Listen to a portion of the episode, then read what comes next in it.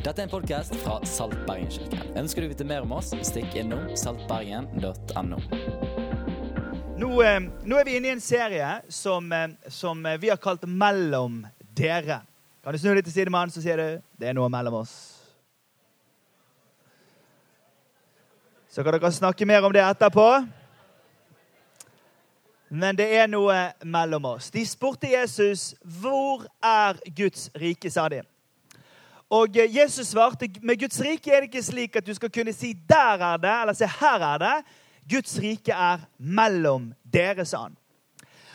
Det skulle være så tydelig for alle de som traff en gruppe mennesker som hadde fått eh, en ny ånd over seg, en ny orientering i livet sitt, overlatt til seg selv, så ville disse menneskene vært både gjerrige og utålmodige og vanskelige og intolerante og ekskluderende.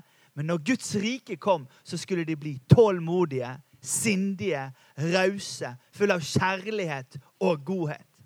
Og eh, Bibelen vår hjelper oss til å se at mange av de karakteristikkene som eh, preger Guds, Gud selv og hans karakter, det er de som plutselig dukker opp i vanlige folk, sånn som meg og deg. Hvis vi er overlatt til oss sjøl, så, ja, så, er vi gjerrige, og så er vi fulle av konkurranse. Og så er vi litt sånn vanskelige med hverandre. Men når Guds ånd kommer, og Guds rike kommer til oss, så er det akkurat som om det oppstår noe midt mellom oss vanlige folk.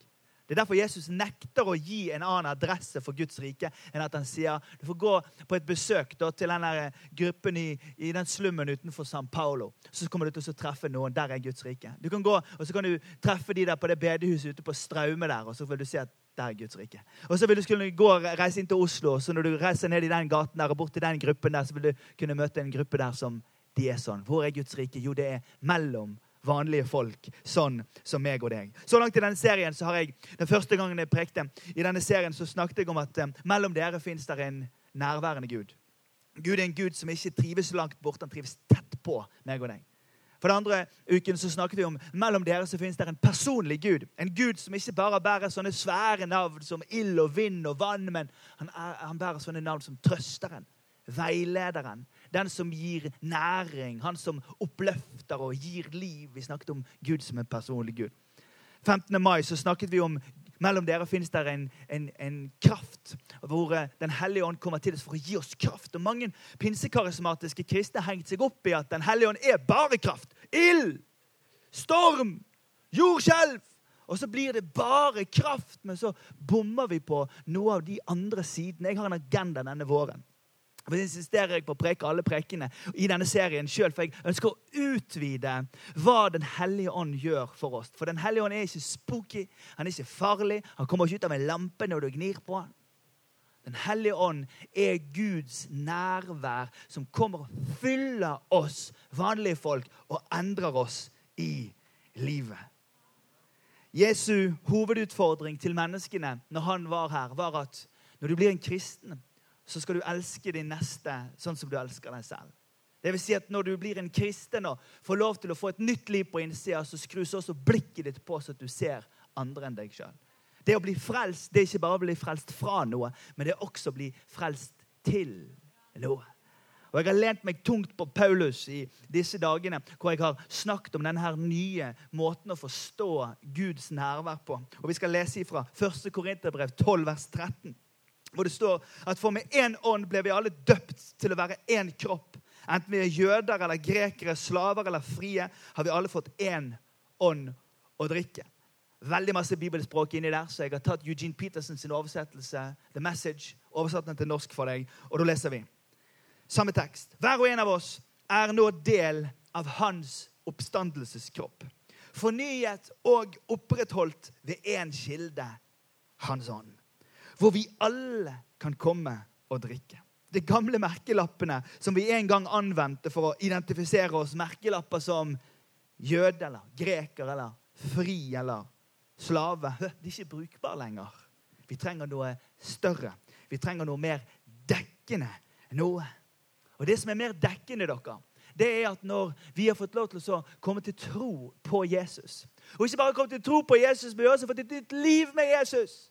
Og så har vi fått en ny besøk av en nærværende ånd fra Gud så er det blitt større plass for at han kan gjøre ting med oss. Dette her er en iPad. Dette her, den her het i sin tid The New iPad. Den var altså den som kom etter iPad 1, iPad 2. Og så tenkte de we can't call it iPad 3, so let's call it the new iPad. Og det er sikkert kommet ut 26 oppgraderinger av denne fysiske størrelsen. Og Steve sitter jo oppe i clouden der og sender meg meldinger. Do you want to update now? Do you want to update? Jeg tenker, jeg er livredd for oppdateringer. For det øyeblikket jeg trykker 'upgrade', 'update' det er sånn, Do you want to do it now or tonight or later or never? Så tenker jeg never, never. Fordi at størrelsen på den oppdateringen i software den, den er ikke kompatibel med størrelsen på den hardwaren som jeg har her. Og det som skjedde, vet du, det var at I begynnelsen så var det bare ett folk som skulle være med Gud. Det var Først var det bare Moses, og så var det bare noen profeter, og så var det ett folk, og så var det bare et liten plass. Men når Jesus kom, og Jesus døde, og Jesus sto opp, så lagde han plass i oss alle. Ikke bare lagde han plass i oss alle, men han lagde også plass mellom oss. Og så kom Den hellige ånd, og så fylte han på en ny programoppdatering. Så der hvor det var sjalusi, og der hvor vi var truet, og der hvor vi hadde konkurranse til hverandre, der hvor vi var utålmodige med hverandre, og der hvor vi var gjerrige, og der hvor vi var vanskelige og ukjærlige, så det kommer kjærlighet og tålmodighet og raushet og godhet og inkludering. Hvor er Guds rike? Jo, jeg skal fortelle deg hvor det er. Det er mellom dere. Det er vanlige folk sånn som dere som bare har fått en oppdatering. Og det er plass til oppdateringen. Dere er the new people, og derfor har dere fått en ny oppdatering, en ny ånd i dere. Men vi har en kompis som heter Descartes. Og Han eh, har jo lært oss hva det vil si å være menneske. Det er jo han som oppdratt oss til hva det er å være menneske i vår tid. Og han har jo lært oss at den som, eh, den som er et menneske, han skal si 'jeg tenker, derfor er jeg'. Og Jeg er veldig glad i Descartes. Jeg tror at han er rett langt på vei, men vi har fått litt utfordringer med han. For det som skjer med at jeg tenker 'derfor er jeg', det er at jeg blir veldig opptatt av meg. Lenge før Descartes kom på det at jeg skulle være fri fordi jeg tenker sjøl, så sa Jesus at du er fri fordi du kan få et nytt liv fra himmelen. Men saken var at Jesus han lærte oss at 'jeg tror, derfor er vi'. Fordi at når du blir frelst, når du får et nytt liv, så er ikke bare frelst fra noe, men du er frelst til noe. Ikke bare til noe, men du er frelst til noen. Jeg har lyst til å vise deg i løpet av denne dagen hvor temaet mitt er 'mellom dere er det ny tilhørighet'. At det fins en ny tilhørighet for den som er kommet til tro på Jesus. Når Den hellige hånd kommer over oss, så ser vi plutselig folkene som er rundt oss, på en helt annen måte. Og det er langt mer enn det Descartes kan hjelpe oss med. For han hjelper oss til å se sånn som jeg vil ha det, eller sånn som jeg liker, eller de som er lik meg sjøl. Men Jesus lærer oss å se også de menneskene som er annerledes enn oss selv. Han lærer oss å se også de menneskene som ikke snakker det samme språk som oss, eller han har samme tradisjon som oss, eller samme etniske bakgrunn som oss, eller samme preferanser og verdier som oss, men like fullt så er det de vi er frelst til. I tredje århundre så var det en kirkefader som het Cyprian. Han sa det slik han sa at det finnes ingen frelse utenom kirken. sier han. Og Det han mener med kirken, det er den kollektive størrelsen av de mange. Men vi lever i en tid, og vi lever med en Descartes tanke som gjør at vi tror at frelse det er noe som jeg har fått fordi at eh, Jesus har snakket med meg. og så ender vi opp hjemme på hybelen vår med en podkast istedenfor å komme sammen i et bedehus og være sammen med folk som nødvendigvis ikke er akkurat sånn som vi liker. Kan jeg få lov til å være tydelig med deg og si at hva, Jeg treffer jo folk som kommer hjem fra bibelskoler, og den bibelskolen jeg var på, den var så fantastisk. den. At det kom gullstøv og skyer, og det var fantastisk. og og det var til og med folk var forelsket i der, som fikk sånn herlig deilig miks av Holy Ghost and hormones. Og det kan jo ikke vi stille opp med. ikke sant? Så liksom, det, liksom jeg var på, jeg, men nå jeg, jeg, er veldig glad i Jesus, men, men siden jeg kom hjem fra, fra det jeg var med på på den bibelskolen eller den andre menigheten, så så har jeg ikke funnet noe som er godt nok. Jeg er så trist når jeg sier til deg at jeg hører det. Og så hører jeg folk som sier at jeg er veldig glad i Jesus, jeg er ikke så glad i kirka. Men det er flere enn rogalendinger som sier. Og så hører jeg på lovsangene våre at noen ganger så synger vi lovsanger mellom meg og Jesus, mens vi står rett ved siden av en bror og en søster i benkeraden. Fordi at vi har blitt dyppet i Descartes sin måte å tenke om det å være menneske. Og så har vi kanskje gitt altfor stort trøkk på at det er meg det handler om. Mens egentlig så er det oss det handler om. Det at jeg tror, gjør at vi er. Og det er det jeg har lyst til å snakke med deg om i løpet av de neste minuttene. Går det fint? Og hvis du da er så seint på kvelden nå Han eh, er jo han er jo engasjert, han presten, men, men han trenger av og til litt, et lite hvisk eller et lite sånn puff. sant? Et lite vink, en liten ja. Eh, du trenger ikke å være enig med meg hvis ikke du er, altså, du trenger ikke si amen hvis ikke du er enig. Det synes jeg det er veldig farlig. Det er, det er veldig farlig. Men hvis du er enig, så kan du hviske et lite amen. Og hvis du syns det er veldig drøyt å snakke i et sånt rom som dette, kan du like, nikke. Du kan, du kan, skjønner du det? Og hvis du sovner, hvis du liksom legger deg over nesten på sovning, så ser du ut som Nick hele sitter, sitter sånn. Jeg har hatt noen av de i dag også. Det er utrolig hva jeg får se på en søndag. Amen! Det første vi skal snakke om, det er tilhørigheten til hverandre. Du vet, eh, I alle familier er jo det ymse slag av folk. ikke sant? Vi har et uttrykk i Norge som sier ja, selv i de beste familier Altså Som en sånn forklaring på liksom, Det er derfor fetteren er så utrolig rar. sant? Ja, Selv i de beste familier. Og så har vi et annet uttrykk, og det er liksom, ja, det er jo ingen som velger sin familie. Fordi at vi prøver å forklare det. At selv om vi alle sammen har kommet på en måte fra samme bestefar, så, så, så er det en radikal eh, sosialist, og så er det en helfrelst eh, kristen. Eh, og de to er, de, er lite på Facebook de treffes, men de kommer fra samme blodlinja. Er dere med meg? Litt interessant det at når Gud forholder seg til menneskene, så forholder han seg ikke til oss som enkeltfolk i den eldre delen av Bibelen, men han forholder oss til oss som ett folk. La meg prøve å illustrere. Ehm, første Mosebok, eh, kapittel 12, vers 1-3. Gud taler til en mann oppe i ørkenlandskapet i det som i dag er Midtøsten, oppe i Nord-Syria og oppe i eh, østover der.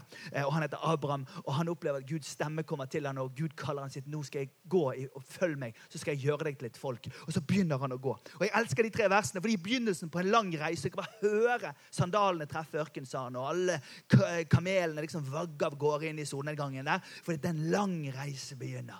Og Gjennom hele den gamle delen av vår bibel så kan vi lese om et ett folk. Og Til tider så er det bare jubel, og aksjekursene er rett til værs, og bling-bling på Wall Street, og alt er fantastisk, og alle tror på Gud, og halleluja. Men andre tider så er det bare noen få som gidder å tro. Andre tider så er det doktorgrader som blir skrevet mot Guds eksistens. Andre ganger så er det krig som gjør at nesten alle dør ut. Andre ganger så blander de inn andre religioner i gudstroen sin, og det er bare en liten flokk igjen men vet du hva jeg ser når jeg leser dette? Så ser jeg at det spiller ingen rolle hvor stor flokken var. Det som spiller noen rolle, det er at Gud er trofast mot et folk. Jeg har jo gleden av å være kristen forkynner og ikke bare preke her. Prøve å være her hver søndag. min. Jeg er jo litt rundt omkring andre steder, treffer kollegaer, og vi snakker jo om hvordan det egentlig står til. sant? I Tyskland og, og, i Norge og i Danmark. Og, og noen ganger jeg må innrømme det til, jeg blir helt sånn, jeg bare tenker Jeg sist siste presten her før det går galt. For av og til så føler jeg at alle holder på med det sånn Jeg tenker, derfor er jeg på hytta. Jeg tenker, derfor er jeg på jordomseiling. Jeg tenker, derfor er jeg i alle fall ikke i kirken. Og så tenker jeg, til, Kommer jeg til å stå her liksom og trykke på, på Riks når det er tomt her? Fordi at vi er så dyppet i Descartes sin tanke at vi tenker at det er jo meg det handler om. Mens Jesus lenge før det sa at det er jo oss det handler om når vi begynner en tro. For vi er ikke bare frelst fra noe, men til noe.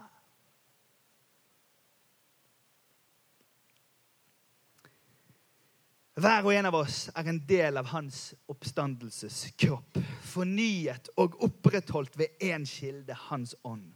Hvor vi alle kommer for å drikke de gamle merkelappene vi en gang anvendte for å identifisere oss, merkelapper som jøde og greker, slave og fri, vel, de er ikke brukbare lenger. Vi trenger noe større, noe som er mer dekkende. Vi trenger å forstå at vi er et mirakelkollektiv av vanlige mennesker i ulike farger og fasonger, i ulike aldre og med ulik utgangspunkt og med ulike ressurser. Men spiller det noen rolle? Det er vi-et som teller, ikke eget som teller. Fordi eget det har fått sin frelse hos Jesus, men da blir vi frelst sammen fordi vi kan få lov til å gjøre noe sammen. Svære tema jeg snakker om i dag, men viktig for oss. Fordi at vi leser vår bok, vår bibelbok med andre briller enn det man gjør i andre kulturer.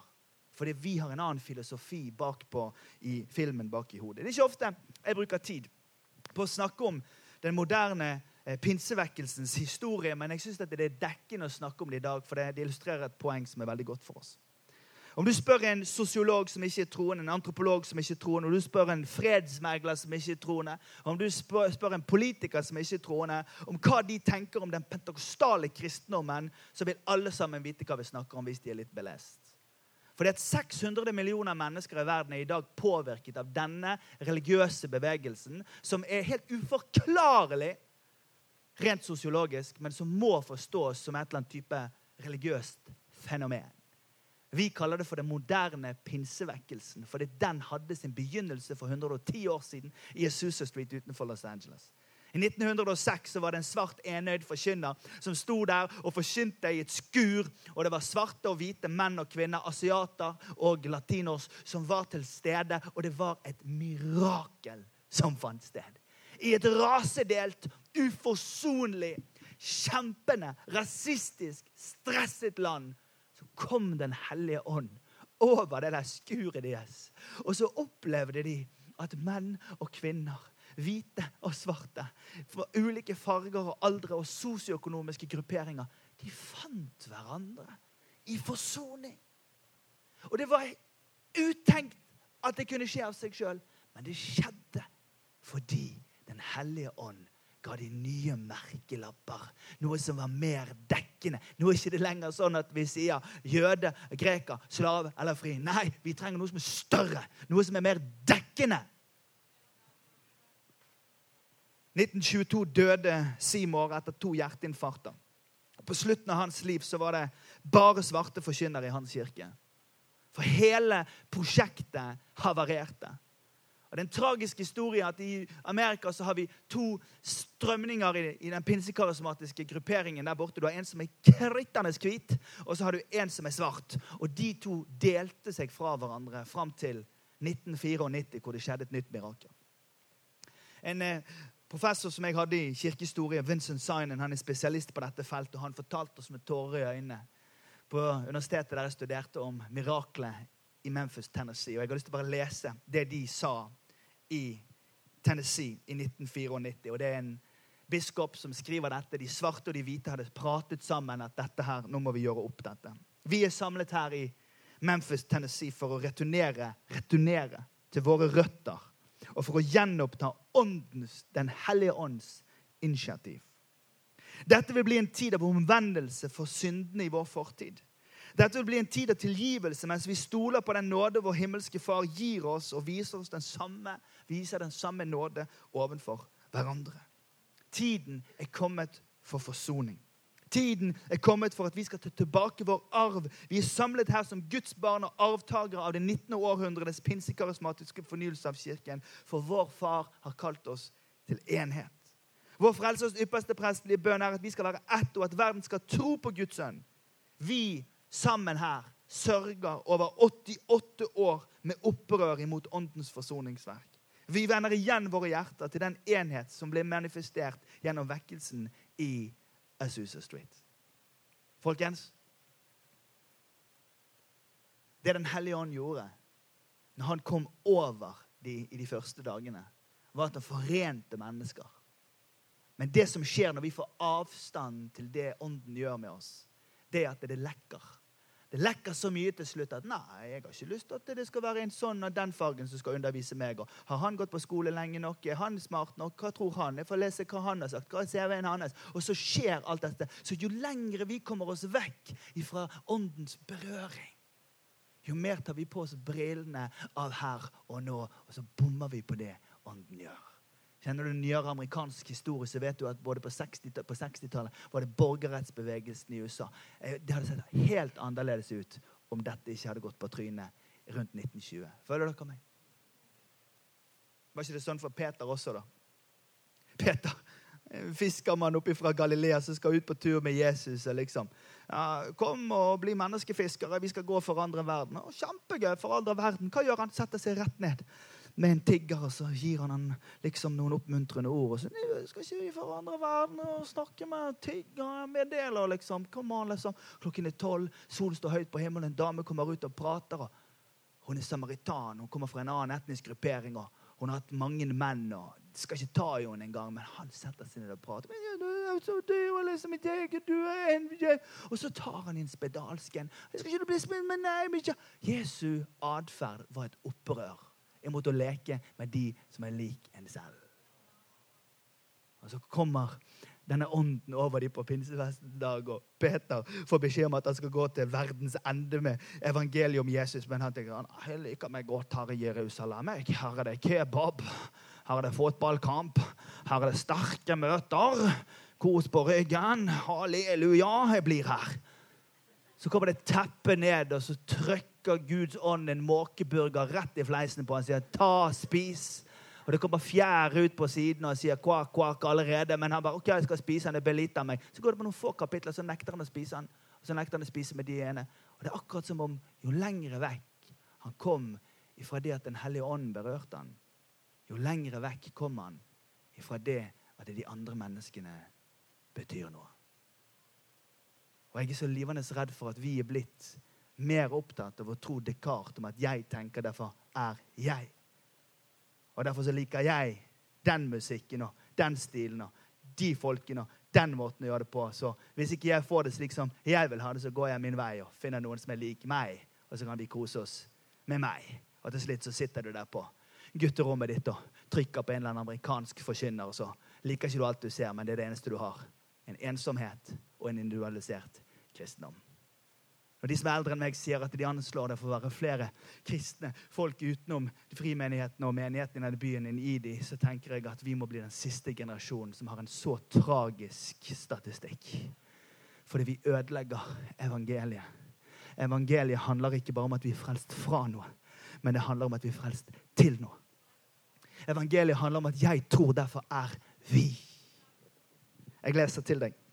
Av hensyn til opptaket så leser jeg også hvor henne det står henne. For på samme måte er vi alle én kropp i Kristus, men hver for oss er vi hverandres lemmer.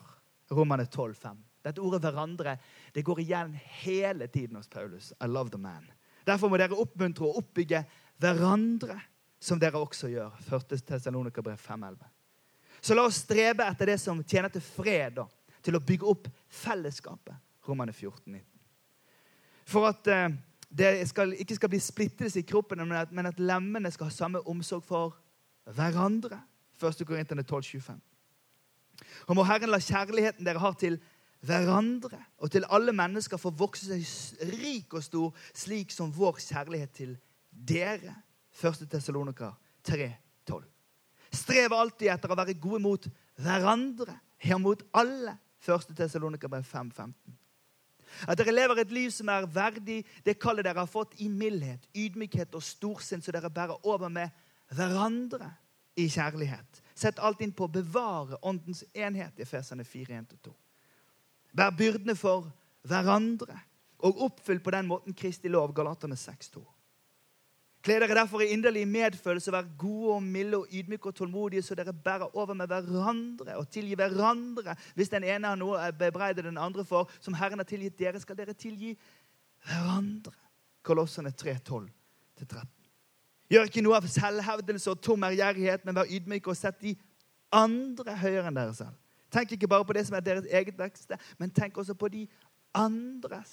Filippene 2, 3. Elsk hverandre inderlig som søsken. Sett de andre høyere enn dere selv. Romerne 12. Hold sammen i enighet. Gjør dere ikke høyere tanker, men hold dere gjerne til det lave. Og vær ikke selvkloke. Romane 12, 16. Det å bli kristen er ikke bare å bli frelst fra noe. Det er å bli frelst til noe. Og vi ødelegger evangeliet om vi tror at det bare handler om meg. Derfor så sier vi med frimodighet at det er hverandre som er betydningsfullt. Det å komme sammen i en kristen kirke. Det å være en del av en forsamling. Det å være et fellesskap med noen andre troende. Det å strekke seg langt for å tåle andres stil og måte å gjøre ting på. Det er en vidunderlig øvelse, og det er en vidunderlig tegn på at Den hellige ånd er nær. Paulus sier i 1. Korinterbrev, 2. Korinterbrev 3, 3 for dere viser at dere er Kristi brev. Han kaller oss et brev. Vi er blitt til ved hans tjeneste. Det er ikke skrevet med blekk, men hvordan er det skrevet? Jo, det er skrevet ved den levende Guds ånd. Ånden kommer. Ikke på steintavler, men i hjerter, på tavler av kjøtt og blod. Han kaller oss for et brev. Og han sier dere er ambassadører et annet sted. Dere er folk som kommer fra himmelen, og så bor dere her nå. For å vise noe fram. Du går forbi Sunt eller Carlings nedpå her, eller forbi den DNA-sko. De stenger jo aldri. Der kan du kjøpe sko klokken halv fire om natten. liksom. Hallais, jeg skal ha et par joggesko. Men når du ser et utstillingsvideo, så ser du hva som fins inni der. Og det som han sier, det er at mellom dere er det et rike som folk skal kunne se. De skal se det. Derfor så var det så svært at mellom 1906 og 1909 så var det et opprør imot den raseskilte og, og eh, rasistiske og uforsonlige holdningen i det nordamerikanske samfunnet. Det at ånden kom der. Derfor så var det et opprør imot denne her arrogansen for det jødiske folket. At Peter måtte spise av mat som var uren, og spise mat sammen med hedninger og folk som var annerledes. Hele den kristne kirkes historie handler om at vi ikke bare frelst fra noe, men til hverandre. Og jeg får lov til å være på Salt International. vet du. Og jeg elsker å være der, for der er det mellom 25 og 30 nasjoner. Og det, det er sånn jeg egentlig vil ha det. I Amerika så er det fortsatt slik at den mest segregerte timen i uken det er gudstjenestetimen. Og de fra Venezuela er der, og de fra Midtvesten er der, og de eh, sigøynerne er der, og de andre er der, og de andre er der. Og så sitter vi der, og så er vi med de som er like oss selv. Så skal ikke vi tøffe oss så mye, vi i Norge heller. For vi er så idiotiske vi at vi lager sånne, sånne oppdelinger i alder mellom oss her. Sånn. Ja, det er en ungdomskirke, da. Det er for de som er født fra torsdag i 1996, rundt 18. januar, fram til de som er født rundt 2003 rett etter. Altså ingen før og etter. Og så lager vi sånne bitte små, trange rom hvor vi dehumaniserer hverandre ved å dele hverandre inn etter alder. Så lager vi sånne strange rom. Og så liker vi best å være sammen med de som liksom er helt like oss sjøl. Og så blir vi dessverre mindre mangfoldige. Fordi vi begynner med oss sjøl. Kjære venner, jeg tror bare vi må omvende oss. Jeg tror bare vi må rett og slett bare si at vet du hva, no, no longer. Vi må bare slutte å følge Jesus for vår egen del. Og så må vi innse at i det øyeblikk vi tok imot han, så fikk vi en ny familie. Og det er ingen som velger den familien. Vi har strange cousins. Vi har noen underlige besteforeldre. Og vi har noen unger som ikke alltid har lyst til å gjøre sånn som vi sier, men Gud trofast mot folket sitt. Det er tre bærende bilder av dere som er med oss, og jeg skal bruke dette som i svevet nå ned mot landingen. Tre bærende bilder som jeg vil at du skal Nå utfordrer jeg deg til å ta dette som en identitet. Det ene bildet er at at Guds ord lærer oss at du og jeg, menigheten, den kristne kirke, vi er Guds tempel. Vi tenker om de jødiske folk at de har sånn kalott her bak, og så har de sabbat og så har de matlover. Da er de jøde. Nei. Det som kjennetegnet det israelsfolket, vet du hva det var for noe? Det var det at de, de hadde Guds nærvær. Når de hadde en sånn paktkiste, så visste de det står bra til med oss. Hadde de Guds nærvær i teltet, det går bra med oss. Hadde de han i tempelet, OK, tommel opp. Når nærværet var der, så visste de hvem de var. vi er jo en frimenighet, sant? og vi er jo her med konfetti. Og Rebekka skyter konfettien ned på bakken her. Bare for å være sikker. liksom, at Dette ble for mye for meg. liksom. Dette er veldig liberalt. Vi kan ikke ha så mye farver i Herrens hus. Så hun bare kjørte det rett ned i bakken her. sant? Og, og når vi skal lyse velsignelse, når vi skal prøve oss på liturgi altså Det går jo ansikt og åsyn og lysing og lesing. Vi får ikke det til. Men vi er rasende gode på Herrens nærvær. Vi vet det i denne menigheten her, at vi er Herrens tempel. Så når vi kommer sammen til gudstjeneste, så begynner vi med en lovsang. Tenk hvis vi kunne være en sånn menighet. Så visste de at vet du hva, jeg skal ikke på Riks fordi det går i en cool church med røykemaskin og Jostein som liksom tror at liksom han står der og liksom Det er ikke, det er ikke det. Vi er her fordi at altså, Love you, liksom. Jeg bare slutter der, jeg. Jeg bare sier ikke mer om det, for du må klippe det vekk. Så, så, så, så, så, men vi vet at når vi kommer sammen på gudstjenesten, så, er det fordi vi, vi vil være i Herrens nærhet. Fordi Gud trives med folkene sine, fordi vi tror at mellom oss er det nærværende Gud. Kom til gudstjenesten, og når, når, når Ruben leser takkelappen og, og bønnelappen, så er det ah, ja, men Gud er jo her. Vi kjenner jo det. Og så når vi lytter på forkynnelsen, så lytter ikke vi bare på et foredrag eller på et standup eller på et eller annet med en annen forventning, men vi forstår at den kristne forkynnelsen er der for å bygge opp min tro. Vi er Herrens tempel. Vi er. Jeg tror, derfor er vi.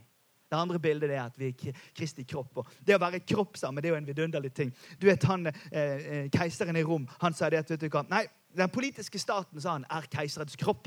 For Han fikk jo store problemer, for dette var jo folk i Frankrike liksom, som plutselig skulle være med i Romerriket. Og de spiste jo liksom altfor lite til middag og kjørte Renault. sant? Eh, og de, de, nede i Roma de tenkte liksom vi kan ikke være del av samme land som de som spiser lite mat og kjører Renault. Vi kjører Lamborghini, og vi har pasta. sant? Eh, så, så sånn, ok, vi er forskjellige, men vi er allikevel det samme greien. Det er lillefing og kne. Det er én, men mangfold. Å, jeg drømmer. Tenk hvis vi kunne være en sånn menighet som tålte litt mangfold. Det er tragisk i Norge hvor lite mangfold vi tåler. Det er tragisk hvordan voksne folk krangler om hva slags musikk man skal spille i en gudstjeneste. Og Jeg sier, vet du hva, jeg drømmer om en menighet av alle generasjoner, hvor vi skjønner at vi er her for en generasjon. Det er ikke meg det er vanskelig for. Jeg er blitt over 40 år og, har gått med Jesus og, og, og, kan litt greier. Men det er jo kidsa mine som er tenåringer, som lever i denne stormen av tro og ikke-tro og gruppepress og greier. Det er jo de det handler om. Det er jo de vi bygger en kirke for. Ja, det er visse deler av kroppen som er mer synlige enn andre. Vi skal bare sørge for og bare sørge for at det er så tydelig at de kidsa kan bare vite vet du hva, det å være kristen i år 2016 er no problem. For vi er gjeng med noen som har gått før oss, og så kommer det noen etter oss, og vi er kropp sammen, og det er supert. Tenk hvis! Og det siste er at vi er Guds folk. Og jeg kjenner på det. Du kan godt be for meg for dette, for jeg kjenner på For real.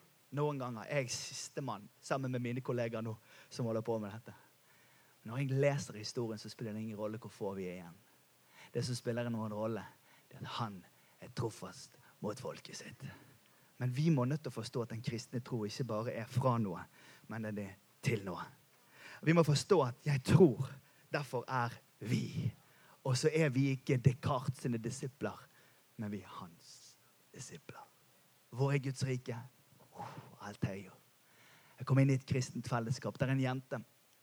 Jeg kan ikke si navnet hennes, men hun kom fra Syria. Nord om byen her i en av våre forsamlinger. Fikk tak, fikk pratet med henne. Nå i disse dager så skal hennes mann komme fra Aleppo med ungene. Hvor er Guds rike, da? Mellom dere. Det er når noen dukker opp som vi ikke kjenner, i et hus bortenfor så har de familie her. Vår Guds rike, da, er det at hun damen som tror, oppsøker hun andre som tror, og viser godhet, raushet, flybillett, veiledning, norsk språk, inkludering, godhet. Hvor er Guds rike? Ah, it's not so that you can see it.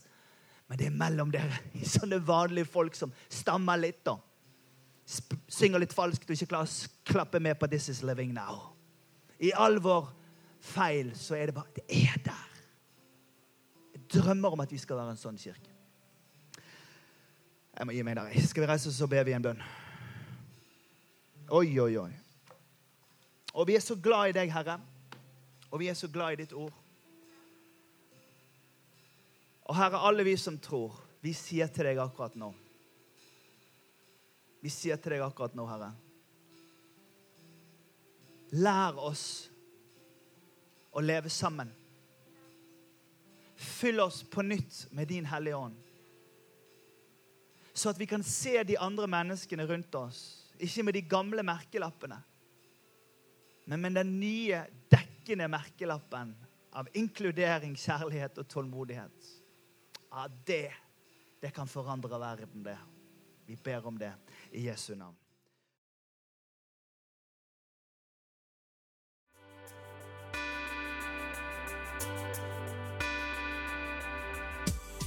Takk for at du har lyttet til podkast fra Saltbergenkirken. Vår visjon er å lede mennesker til et nytt og bedre liv gjennom etterfølgelsen av Jesus. Følg gjerne med på hvordan vi realiserer dette, og hvordan du kan delta ved å besøke saltbergen.no.